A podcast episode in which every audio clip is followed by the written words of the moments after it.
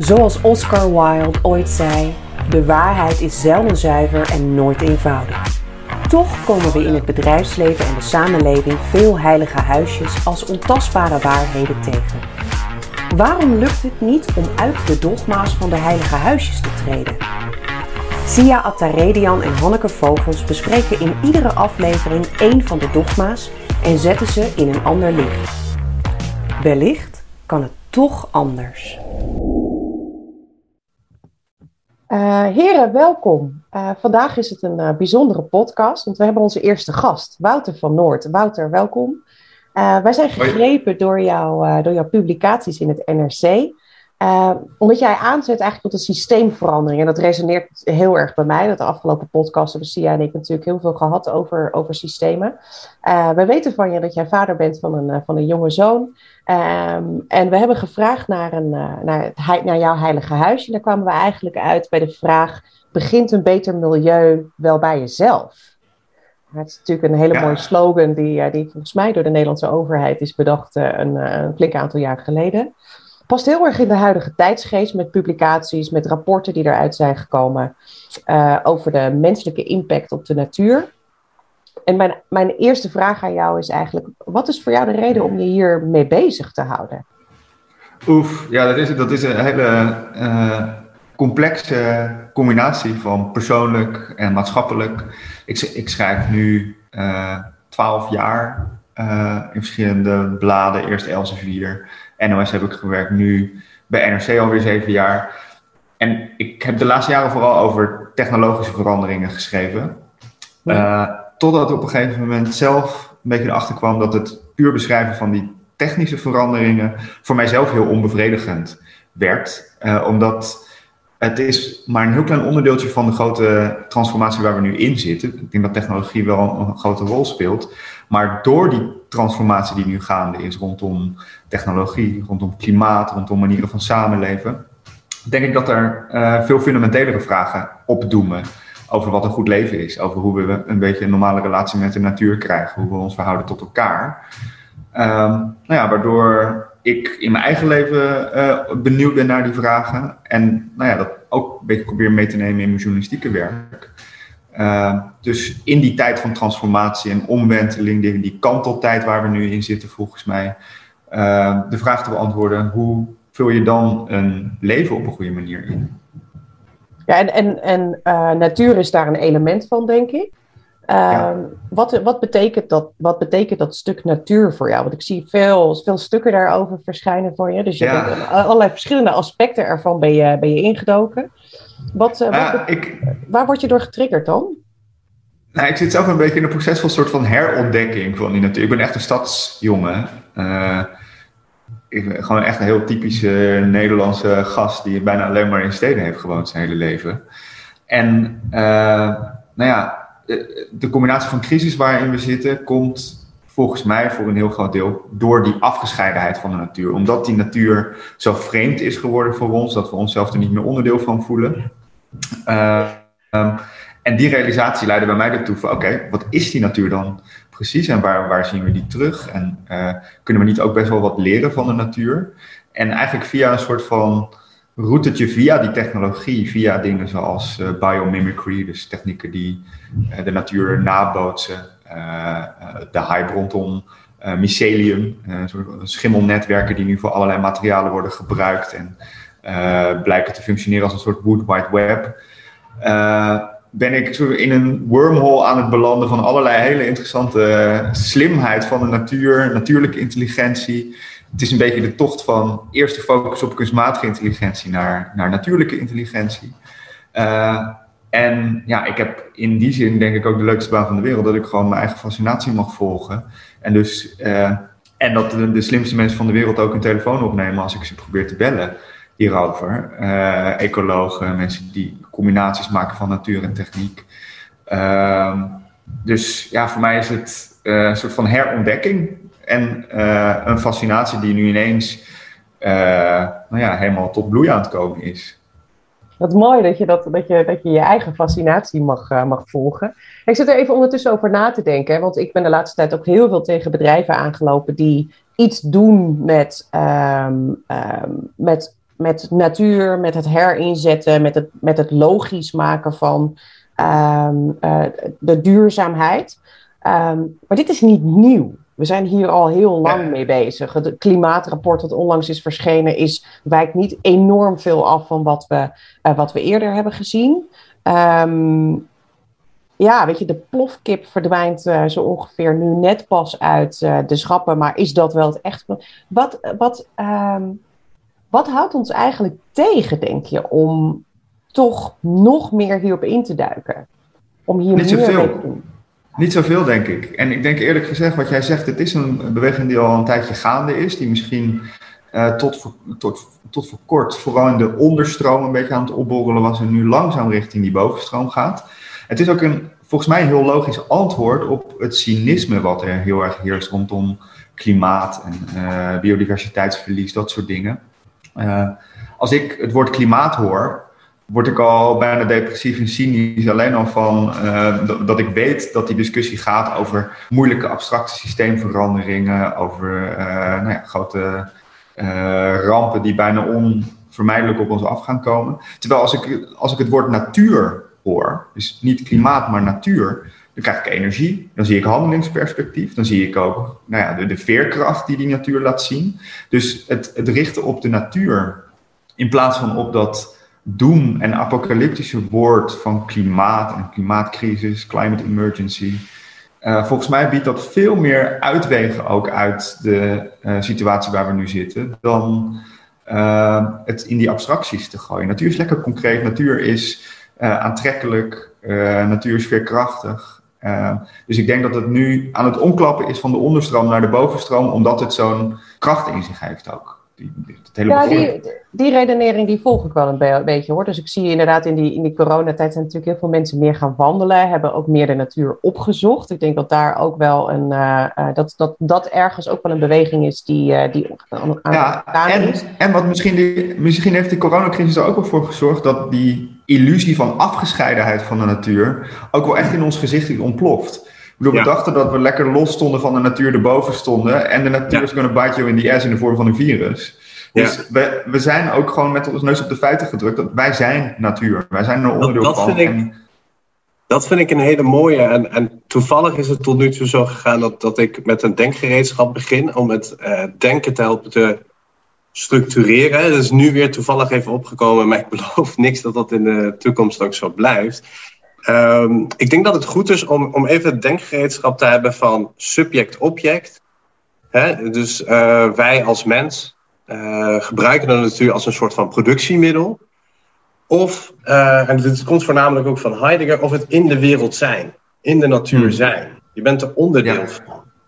En dat, dat is heel een, een andere kijkwijze dan de kijkwijze van Descartes of, of vele anderen. Dus dat wij het subject zijn en die natuur overwinnen en beheersen en controleren. Ja, ik denk eerder, eerlijk gezegd dat de, dat de wortels van uh, die afgescheidenheid en dat superioriteitsgevoel wat dieper liggen dan alleen maar Descartes en de verlichting bijvoorbeeld, wat dan vaak uh, wordt genoemd. Dit, dit, dit, is letterlijk ook uh, passages in de Bijbel zeggen al dat de mens natuur mag gebruiken en uh, exploiteren en, en, in feite ook erboven staan. Mens, dat, is de, de, het summum van de, van de creatie. En uh, volgens mij zitten we in een bredere transformatie. dat klinkt dan vaak meteen een beetje vaag of zweverig zo. Maar ik denk wel dat het zo is dat, dat we meer van, van ego naar eco gaan. Dus dat we meer van, in plaats van uh, dat het om onszelf draait en dat we er zelf boven staan, dat we veel meer tot het besef komen. Wij zijn onderdeel van het complexe systeem. Uh, en dat brengt, nou ja, dat, dat, dat, dat, volgens mij moet dat leiden tot heel andere blik op hoe we met die natuur omgaan, hoe we uh, naar onszelf kijken, hoe we technologie gebruiken. Uh, dus je ziet dat die transformatie inderdaad ook heel filosofisch van aard is. Dus ik vind het wel interessant hoe je dat inbrengt. Ja, Zeker. En kijk, het heeft er natuurlijk ook mee te maken hoe ver je terug wilt gaan. Dus uh, om Descartes te pakken is een eenvoudige. Je kan Aristoteles pakken. Je kan ook uh, inheemse culturen pakken. Dus dat laat ik even, even voor wat het is. Maar waar in ieder geval in het Westen de transformatie is gekomen, is dat je niet meer uh, object-subject kijkt, maar kijkt als een soort van verhevenheid van als in de wereld zijn, als in de natuur zijn. Dus dat eigenlijk onze zijn, het mens zijn, het in de wereld zijn, dat dat dan eigenlijk in de natuur zijn is. En dat maakt. het is ook, het is, wat, wat ik zo tof vind aan dit gedachtegoed is, de, de, die ideeën zijn niet nieuw. Wat je zegt, uh, inheemse culturen, dit is allemaal eigenlijk al gesneden koek, alleen we zijn het weer een soort van aan het herontdekken. Maar dat komt misschien wel door ook recente ontdekkingen in de harde wetenschappen, in, in, in de materialistische uh, wetenschappen. Uh, als je alleen al kijkt naar recente inzichten over het microbiome, al die bacteriën die we in, ons, in onze darmen hebben, uh, die bepalen hoe gezond we zijn, hoe ons immuunsysteem functioneert, uh, zelfs bepaalde genetische invloeden in zich kan dragen. Wij zijn dus niet alleen maar onszelf, we zijn ook al die miljarden beestjes die in ons zitten. Mm de recente inzichten over, over genetica, over hoe trauma's letterlijk zich kunnen manifesteren in uh, epigenetica, in je genen, in je DNA. Dus trauma's van je vorige generaties. Dus uh, recente inzichten uit de wetenschap laten uh, bij uitstek zien dat die illusie van afgescheidenheid, dat we individuen zijn die boven de natuur staan of los van de natuur staan, totaal illusor zijn. En die worden ook gewoon geloof gestraft door recente bevindingen. Dus het is niet alleen maar een kanteling in het denken, maar ook in wat we zien en wat we vinden en hoe uh, we steeds meer in afhankelijkheden en uh, netwerken en complexe adaptieve dynamische systemen zijn gaan denken. misschien nog niet iedereen hoor, maar uh, dit is echt een, een, een stroming die in opkomst is. Ja, dus ik zie, ik zie ook de stromingen. Dus je ziet een kentering in hoe, uh, hoe mensen eten, uh, hoe mensen zich gedragen. Uh, en tegelijkertijd ben ik dan misschien ook wel weer een beetje een pessimist. Want als ik dan dus nu, ik zag van de week zag ik de cijfers over de economische groei van het afgelopen kwartaal. Um, ja. Er is verschrikkelijk veel geld beschikbaar. Mensen zijn dat aan het uitgeven. Het gaat heel veel over gemak. we hebben met z'n allen, een, een, hele sector heeft op zijn gat gelegen, de, met name de horecasector. Uh, dat zijn we nu grotendeels aan het inhalen. Dat geld wordt gespendeerd. We zijn met z'n allen naar het buitenland. We stappen weer in het vliegtuig. We stappen weer in die auto. Uh, dus ik ben dan, ben dan misschien ook wel weer een beetje een pessimist. Ja, gaat de mens, zeg maar, uiteindelijk ja. uh, wel die stap zetten, omdat het voorbij je eigen individu gaat, voorbij je eigen kleine kringetje, waar het gemak en de controle, uh, wat wij als mensen natuurlijk heel fijn vinden, zijn we heel hard op geprogrammeerd om comfort te zoeken. Gaan we dat wel, uh, um, gaat het wel snel genoeg om ja. impact te maken? Nou, dat, dat, ja, nou, ik, ik, uh, ik, ik uh, fluctueer ook tussen hoop en vrees daarin. En ik zie ook als, als, als ik ook het bericht zie, laatst dat in Duitsland de CO2-uitstoot weer gewoon helemaal door het dak gaat. mensen weer vrij massaal het vliegtuig aan het pakken zijn. Dan, bij mij dringt dan ook wel eens uh, soort van het cynisme op van ja, jeetjes, hebben, hebben we dan niks geleerd? Als zelfs zo'n pandemie die gewoon het hele leven even op, op pauze zet. Uh, ja. Als dat al niet de bewustzijnsverandering voor elkaar krijgt uh, die nodig is, wat dan wel? Um, ik weet het soms ook niet. En, en tegelijkertijd, ik sprak laatst met een, een psychiater die verstand heeft van verslavingen. Voor een stuk ook een beetje van, omdat ik ook precies zag wat jij nu ziet. En mezelf een beetje de vraag stelde: wat nou als dat oude normaal te verslavend is? Als we gewoon zo gewend zijn in die patronen en het comfort zoeken en, het, en, de wens om te groeien. En te, uh, wat nou als dat zo uh, heftig is dat we er gewoon nooit van afkomen? En zij zei wel iets hoopvols, juist in die terugval die nu uh, te zien is. Een terugval is een normaal onderdeel van een verslavingsproces. En sterker nog, een terugval mhm. hoort erbij. En een terugval kan helpen om de compulsie nog eens een keertje zichtbaar te maken en uh, mensen te confronteren met het gedrag waar ze eigenlijk van af wilden. Dus zo'n terugval, zo'n zo'n frenzy, nou ja, Summer of Love is het niet helemaal geworden, maar uh, dat, we, dat we na een, een, jaar opgesloten zijn geweest weer eventjes op elkaar duiken en lekker gaan consumeren en reizen. Als we dat met bewustzijn doen en als we dat gebruiken ook om te zien van, nou, misschien wilden we niet helemaal terug naar dit oude normaal, dan kan het een element zijn in die volgende stap zetten.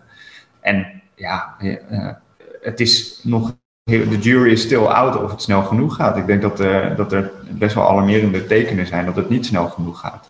En tegelijkertijd zie ik wel in die onderstroom en in, ja, een beetje met een vage term, in het bewustzijn van mensen wel echt een verschuiving de laatste tijd. En volgens mij is de enige manier om uiteindelijk binnen die grenzen van de planeet te blijven een verschuiving in dat bewustzijn. Dus in die zin zie ik wel dus, tekenen dus, voor hoop of zo. Ik zie, dat, ik, zie die, ik zie het bewustzijn ook, maar tegelijkertijd zie ik ook de, de, de tegengestelde beweging. Is dat je, we mm. zien, en ik heb het al veel gehad over dat uh, dat um, uh, zaken niet alleen van jezelf zijn, maar het is ook zeg maar, de erkenning in je omgeving of het herkennen in je omgeving. Je maakt onderdeel uit van de context waar je in zit.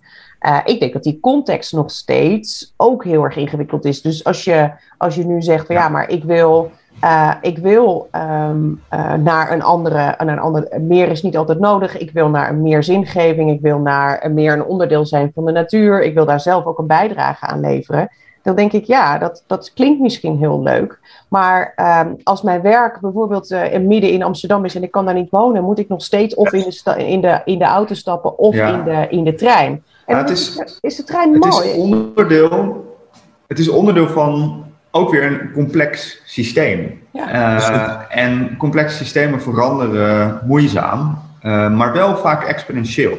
En uh, in ieder geval superlineair. Dus het, het, het, lijkt eerst super langzaam te gaan totdat het super snel gaat. Uh, die dynamiek van kantelpunten is juist ook iets wat mij heel erg hoop geeft. Het kantelpunt was een centraal thema in het laatste IPCC-rapport. Dus uh, iets bouwt op op een gegeven moment en bereikt een kantelpunt. En dan, nou ja, in, het geval van ecosystemen, kan dan de Amazone ineens een savanne worden. Maar kantelpunten zie je ook de goede kant op. En uh, om een beetje te beschrijven wat zo'n kantelpunt is, uh, hoorde ik laatst een interessant raadseltje wel. Misschien, misschien hebben jullie al voorbij zien komen hoor. Maar uh, stel, je laat in de Johan Cruijff Arena elke seconde een verdubbelende druppel vallen. Dus op seconde 1 valt er één druppel, dan 2, dan 4, dan 8, dan 16. Hoe lang denken jullie dat het duurt voordat het hele stadion vol staat? Ja, dat is een paar minuten. Ja, ik, ik ken hem al. Dus ik, heb hem al gelezen. Ik heb, ik heb niet zeg maar het antwoord onthouden, maar het is echt heel kort. Veel korter dan je denkt. Ja, intuïtief denken mensen, nou, uh, misschien een uur, misschien sommige mensen meerdere uren. Maar het is dus al na 46 seconden. Uh, omdat verdubbelingen en die exponentiële groei die daaruit komt, die tart menselijke intuïtie. En wat het interessante is rondom die kantelpunten, is dat op seconde 30 in zo'n stadion nog maar een heel klein plasje op de middenstip staat. En dan, nou ja, als je dan in dat stadion zit, dan stoot je je buurman aan en zeg je, waar gaat dit over? En uh, waar wordt hier nou uh, gedoe van gemaakt? Waarom, waar, waarom moeten we hier überhaupt naar kijken? En pas na die dertigste seconde begint het ineens helemaal uit te vullen. En dat kantelpunt, dat, nou ja, het IPCC-rapport waarschuwt dat we dat aan het bereiken zijn in ecosystemen en met, met de opwarming van de aarde onomkeerbaar. En dat zijn, maar dat, soort... dat zijn voornamelijk ongeplande veranderingen, toch? Dus de, de systemen waar je het nu over hebt, hè, dat is een beetje chaos theory systemen die we eigenlijk niet kunnen zien, overzien. En dat zijn ongeplande veranderingen. Waar we het nu over hebben, ja. is iets van wat gebeurt er als we de natuur. En, en heb even geduld met me. Wat gebeurt er als we niet als we de natuur zijn gang laten gaan, maar hoe zouden wij als maatschappij, als individuen in het systeem verandering kunnen realiseren? En het eerste, ik ben veranderkundige, de eerste is een eerste orde verandering. En in een eerste orde verandering, en daarom is dat denken zo belangrijk, ik kom daar straks op terug. Uh, in een eerste orde verandering sluit je aan bij het bestaande systeem. En dan zeg je, we proberen hier wat te realiseren. Dus er komt betere technologie, er komen elektrische auto's. Maar je sluit eigenlijk aan bij wat er is. Uh, dus dan zet je wat lobby in. Uh, dan probeer je partijen te beïnvloeden. Je sluit aan bij het bestaande systeem. En dat is wat mij betreft, en ik ga nog geen kant kiezen, maar dat is wat mij betreft het oude denken. Uh, het, het, nieuwe denken, dat is het oude heilige huisje. Het nieuwe denken zou wat mij betreft een tweede orde verandering kunnen zijn. En in een tweede orde verandering verander je van paradigma hoe je überhaupt naar de natuur kijkt. Dus ik pak even het voorbeeld van de inheemse bevolking. Daar is de natuur onderdeel van wie zij zijn, als God, als medeziel of wat dan ook. Dus dan heb je het, in de eerste orde verandering, heb je het nog over uh, start-ups die schimmels gebruiken voor een bepaald doel. Dan heb je het nog steeds in je denken over de natuur als productiemiddel. Zeker, zeker. Terwijl je als je toebeweegt naar dat tweede orde verandering, wat ongelooflijk moeilijk is. En uh, ik heb het zelden ook zien gebeuren, en dat zeg ik omdat ik het woord nooit niet wil gebruiken. Een tweede orde verandering is een verandering waarbij je eigenlijk een shock to the system. Dus je stopt met het subject-object relatie, je stopt met uh, het eigenlijk het oude denken uh, van de natuur als instrument zien. En vergis je niet, hè, daar zitten we zo diep in. Zelfs uh, mensen helpen is nu een instrument. Hè, want je gaat vrijwilligerswerk doen, je schrijft je ergens in. Terwijl ik kan in mijn woonomgeving hier, kan ik gewoon naar mijn buurman toe. Maar dat doe ik niet. Ik schrijf me in op een of andere website in dat productiedenken. Dus willen we naar een tweede orde verandering bewegen, dan hebben we een heel ander begrip van het zijn nodig. En in de wereld zijn en met de natuur zijn. Nou, ik, ik vind het super interessant wat je zegt, want dit is precies de verandering die nodig is. Dat we gaan, en juist als je denkt in complexe systemen en in exponentiële processen, dan moet je de illusie loslaten dat jij in je eentje dat gaat controleren. Dat je van bovenaf daar verandering uh, gaat inbrengen. En dat is nu hoeveel beleid wordt gevoerd en hoe CO2-reductie wordt uitgevoerd. Heel erg van bovenaf dan als we een belasting invoeren, als we uh, limieten stellen, als we CO2-rechten verhandelen, leggen we van bovenaf op en dan komt het wel goed. Die dynamiek van complexe adaptieve systemen, die moet uh, leiden tot een heel andere blik. Veel meer van onderaf, veel meer denken in die exponentiële processen, veel meer denken in die kantelpunten, in besmetting. Nou ja, we hebben allemaal gezien hoe exponentiële besmetting het afgelopen jaar uh, is verlopen. Maar je kunt die dynamiek ook gebruiken ten goede. En waar ik heel hoopvol van word, is hoe, dat is ook in, in de wetenschappelijke literatuur een, een, een groeiend thema, is sociale kantelpunten. Dus hoe je in sociale systemen kantelpunten kunt bereiken, precies in andere manieren van denken, andere manieren van doen. Niet van bovenaf opleggen, maar rekening houden met de complexe en wederzijds afhankelijke dynamieken in die systemen. Het ene beïnvloedt het ander. Uh, om op die manier van onderaf, met gebruik maken van die kantelpunten, te zorgen dat iets wat nu nog in dat stadion een klein plasje lijkt van veranderingen en van groter bewustzijn, dat dat wordt versneld naar op een gegeven moment een vol stadion en een, een, een, een omklappen van het systeem.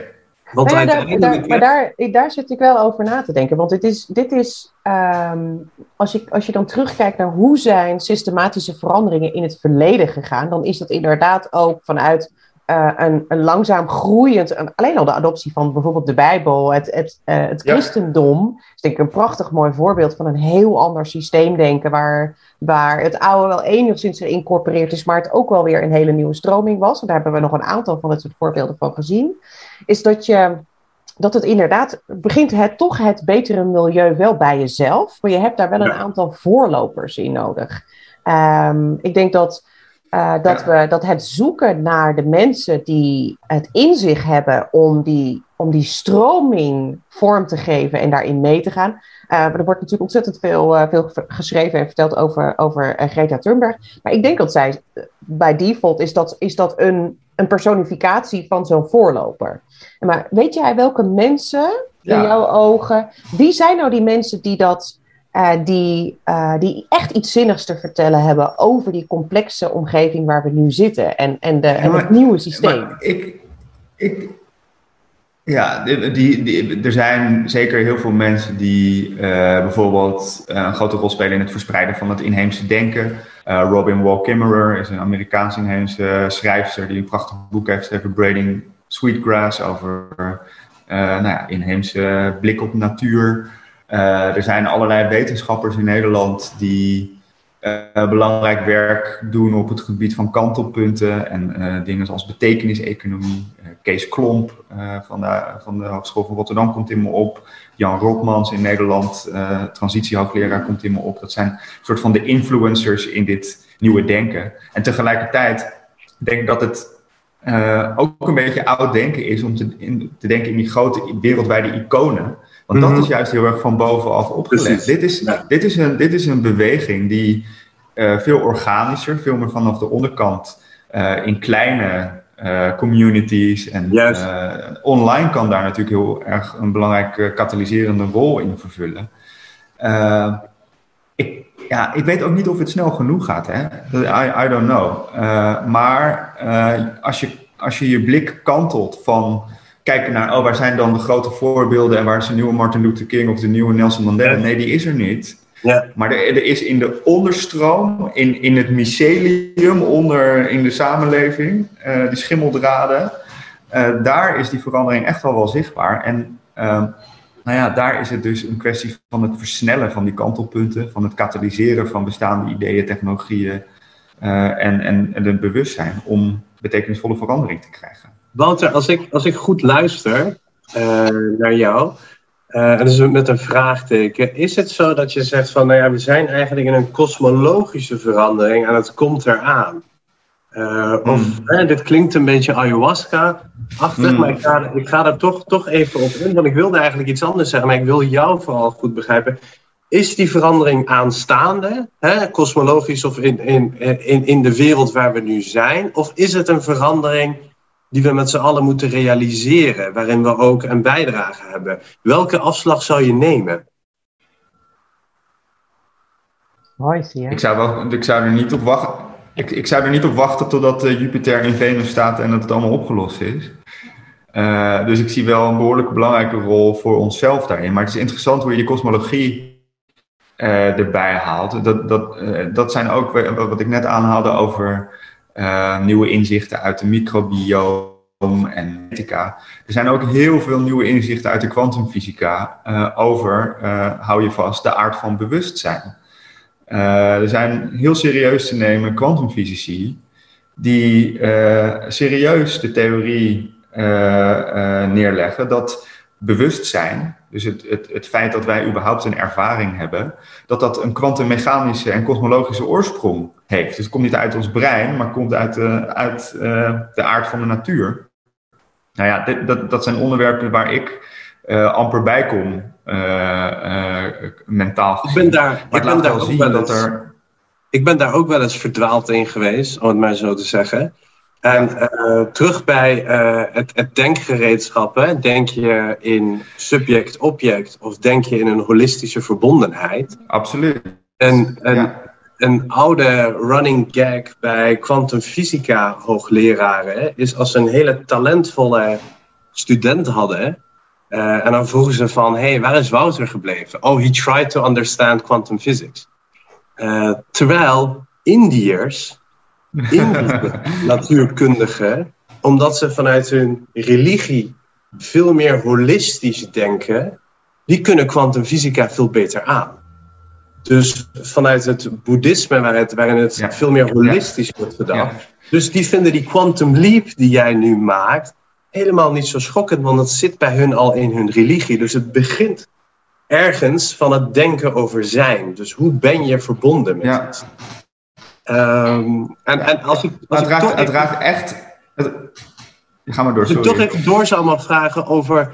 Uh, dan, ik heb hem nu ingedeeld in kosmologie en dan mogen we, wat mij betreft, op doorgaan. Of over ons eigen bijdrage. Welke afslag zou je voor nu willen nemen? Zou je de afslag kosmologie, quantum physics willen nemen? Of zou je de afslag willen nemen van wat willen wij nu doen? Want dat maakt het denken en spreken helder onderscheiden.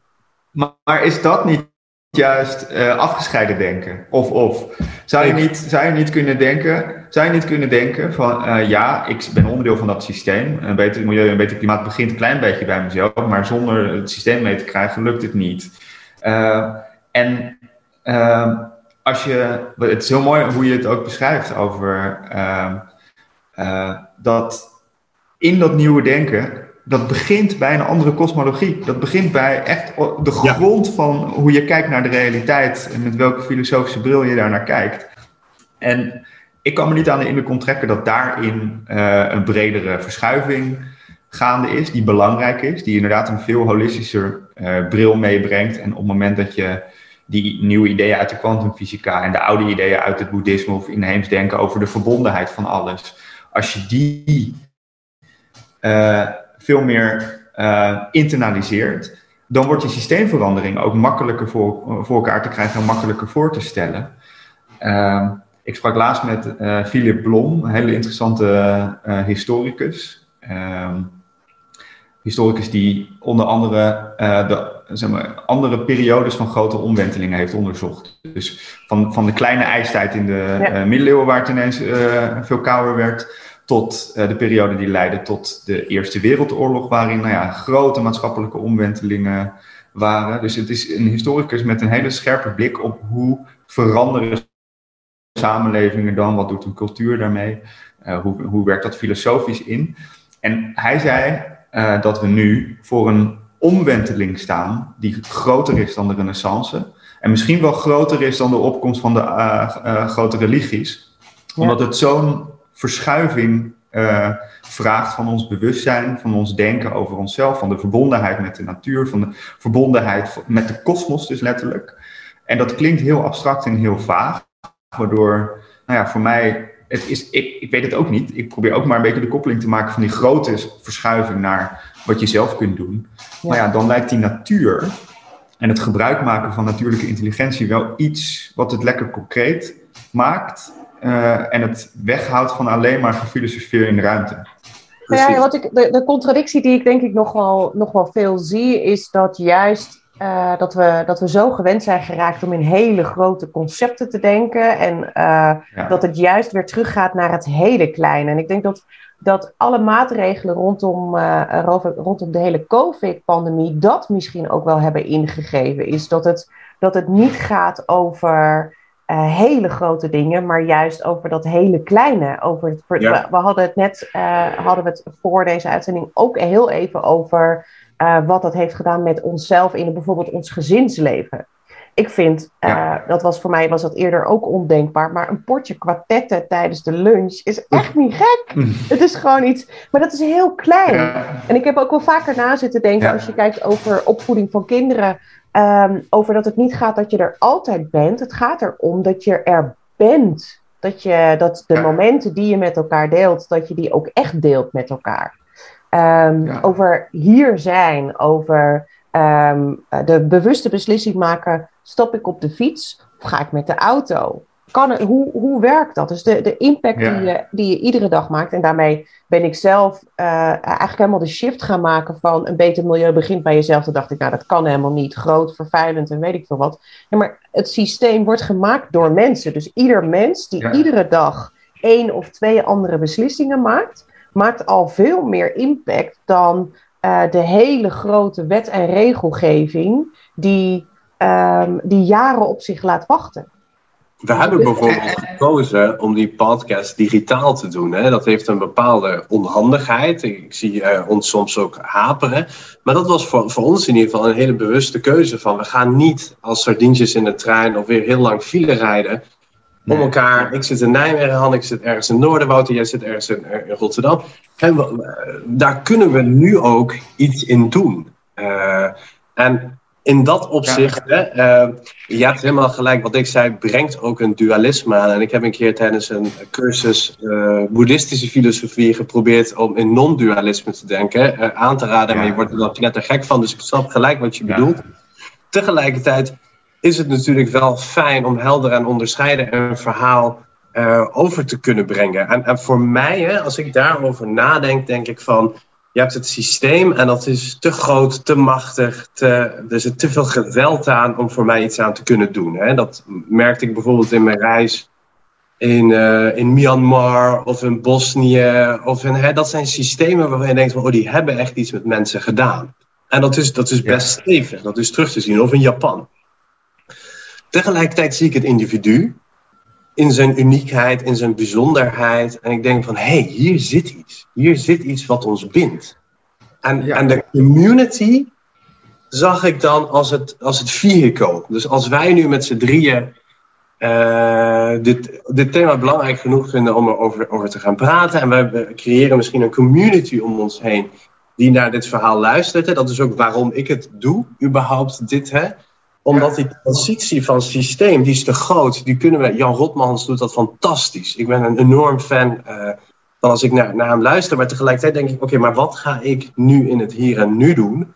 Hè? Om, of die kosmologische verandering er is of niet, om daar iets aan bij te dragen. En dan merk ik, geplande verandering is te groot en, uh, en individu is te klein. Dat die community is net groot genoeg om iets te kunnen bijdragen. En de verandering zit in de verbinding. Hè? Dat is, dat is de, de les, denk ik, uit al die nieuwe inzichten. Is dat als je niet denkt in afgescheiden individuen, maar, als, maar in individuen die onderdeel van een systeem zijn, die elkaar besmetten. Goede ideeën zijn besmettelijk, goed gedrag kan besmettelijk zijn. Dus daarin, uh, als jij iets anders kiest om te doen, als jij anders handelt, en uh, nou ja, met een beetje een cliché uh, uitspraak, be the change you want to see dan kan dat besmettelijk zijn en dan kan dat dus bijdragen aan besmetting in dat complexe adaptieve systeem. En kan dat leiden tot een kantelpunt, wat echt een betekenisvolle verandering uh, teweeg brengt. En uh, het is ook nog eens een keertje zo dat het alternatief is dan dus uh, de hele tijd boos zitten te zijn op multinationals en op China en op dingen waar je geen enkele controle over hebt. Totdat je zelf weer bestelt is, zelf... vanuit China. Dat je gewoon zegt... Nou, ja, ja, ja, niemand is heilig. Niemand nee. is heilig. Nee, uh, iedereen heeft zijn terugvalletjes. En, uh, maar goed, we hebben net vastgesteld dat zo'n terugval hoort erbij bij een verslaving. Uh, maar, het is, maar die verbinding vind ik wel een mooie. Het lijkt me ook een keuze.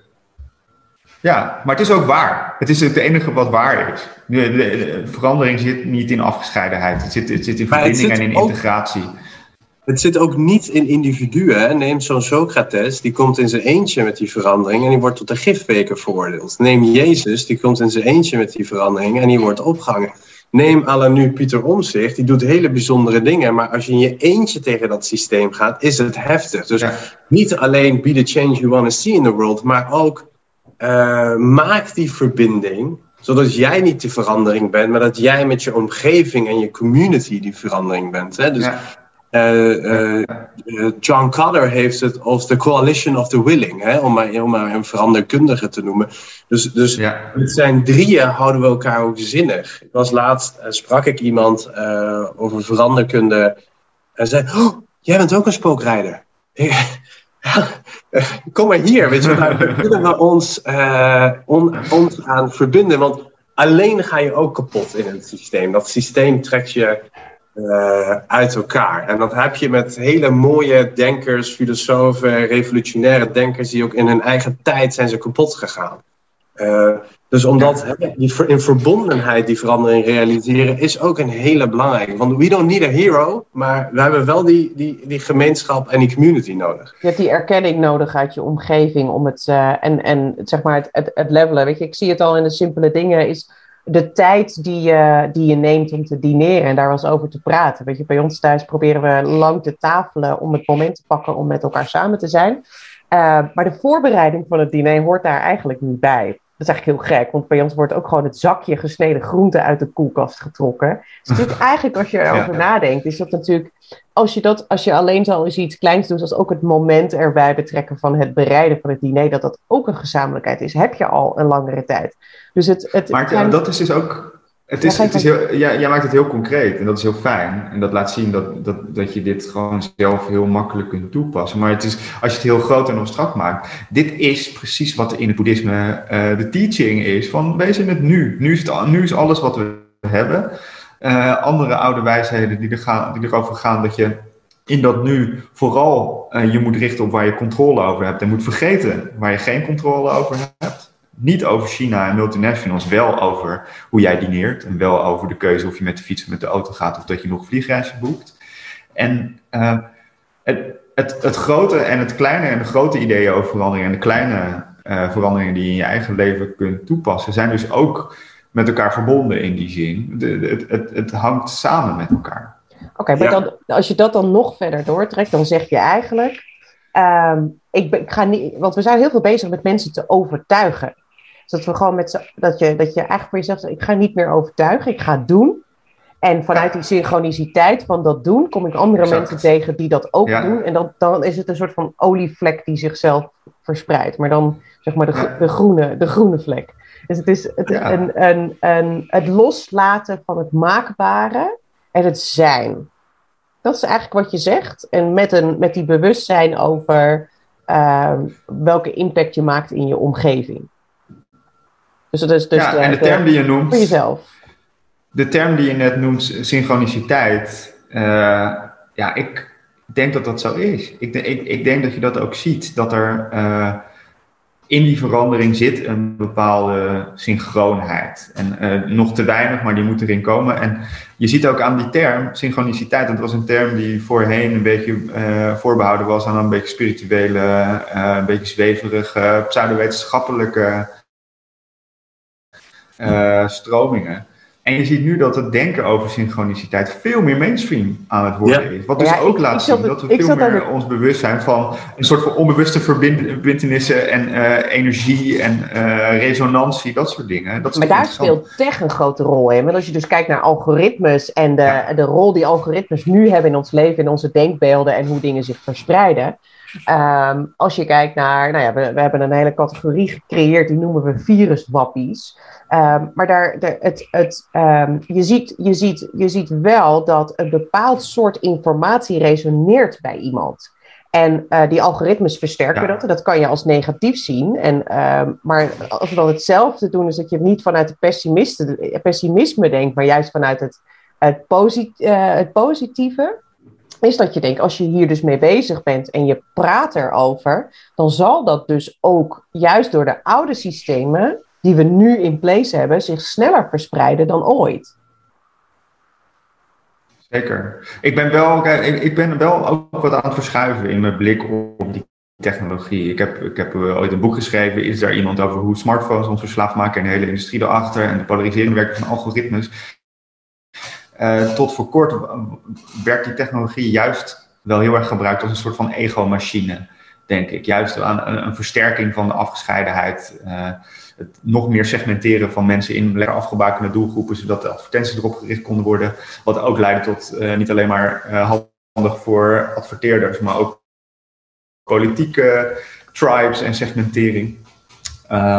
maar de laatste tijd, ik, zie, ik ben ongelooflijk fan van podcasts dus ook. En je ziet dat in die opkomst van podcasts je uh, uh, een beetje de tegenovergestelde beweging ziet. Dat je daar juist uh, een verhoging ziet van bewustzijn, van samenwerken. Als je een podcast luistert, kan je bij de slimste denkers van de wereld aansluiten en de, de, beste ideeën van de wereld over samenwerking, over non-dualisme, over kwantumfysica, over klimaatoplossingen gewoon rustig aanhoren, maar dat voorheen niet zo goed mogelijk was. Dus ik zie ook dat internet op een manier evolueren die meer past bij dat geïntegreerde denken en het wat hoopvollere systeemdenken over, eh, over een duurzame toekomst. Okay, wat ik mooi. Zie daar wel een, ik zie daar wel een bepaalde... Ja, ik ga je heel even onderbreken, want ik wilde eigenlijk toe naar de, naar de afronding. Uh, zou jij, want jij wilde nog iets aanvullen, zullen we die, zullen, kunnen we die gedachtegang afmaken en dan uh, de stap naar de afronding maken? Ja, nee, helemaal goed. Uh, ik, ik zie wel, kijk, we zijn op een gegeven moment zijn we na het wegvallen van de goden in een soort van nihilisme beland. Uh, en die technologie heeft, dat, heeft die plek gevuld. Hè? Van, uh, ook nu nog steeds, hè? het gaat niet goed met de aarde en, en misschien is het uh, over een tijd niet meer bewoonbaar. Toch hebben we nog dat religieuze hoop in de technologiegod dat we gered worden. Ik zie technologie niet als het waardevolle, maar als een instrument dat het waardevolle zou kunnen dienen. Dus dan heeft die technologie ja. geen bestaansrecht op zichzelf. Maar het, het zou ons moeten helpen om uh, uit deze identiteitscrisis of uit deze zijnsvergetelheid te raken. Hè, als die technologie ons helpt om in die communities kleinschaliger, meer verbonden met de medemens en de natuur en mijn omgeving te leven. Al voor het. Maar als het iets is dat die technologie als een soort van profeet uh, het huidige leefstijl kan rechtvaardigen met vliegtuigen met nog meer lagere uitstoot of uh, auto's die nog gezonder rijden, dan vraag ik me af, ja, is dat reëel? En hebben we dan die tweede orde verandering? Of zijn we nog steeds uh, aan het sukkelen met die eerste orde verandering? Dan hebben we misschien nog zuinigere auto's en, en, en nog snellere toegang tot allerlei denkers. Maar in ons gedrag, in ons mens zijn, blijven we een vervuilend virus wat om zich heen grijpt. Terwijl je wilt niet een, uh, ja. een, een dringende ja. virus zijn, je wilt onderdeel zijn uh, van het ecosysteem, wat samen leeft met dat ecosysteem.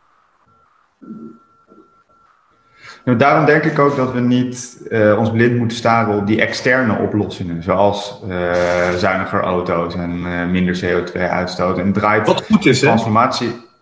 Prima. En we kunnen niet zonder. We moeten, we moeten er reduceren. Laat daar geen misverstand over staan. Maar naast die externe oplossingen is de grootste transformatie die interne oplossing. We moeten niet alleen maar andere dingen doen, we moeten ook andere dingen willen. En we moeten anders over dingen gaan denken. En uh, ik denk dat in die verschuiving, uh, nou ja, die, die is tegelijkertijd moeilijker, maar ook makkelijker. Want iedereen kan hem eigenlijk at switch of a button uh, maken.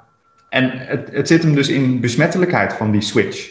En als maar genoeg mensen echt fundamenteel iets anders willen, dan gaan we als mensheid ook fundamenteel iets anders doen. En dan komen we misschien toch wel weer binnen die grenzen van de planeet terecht of zo.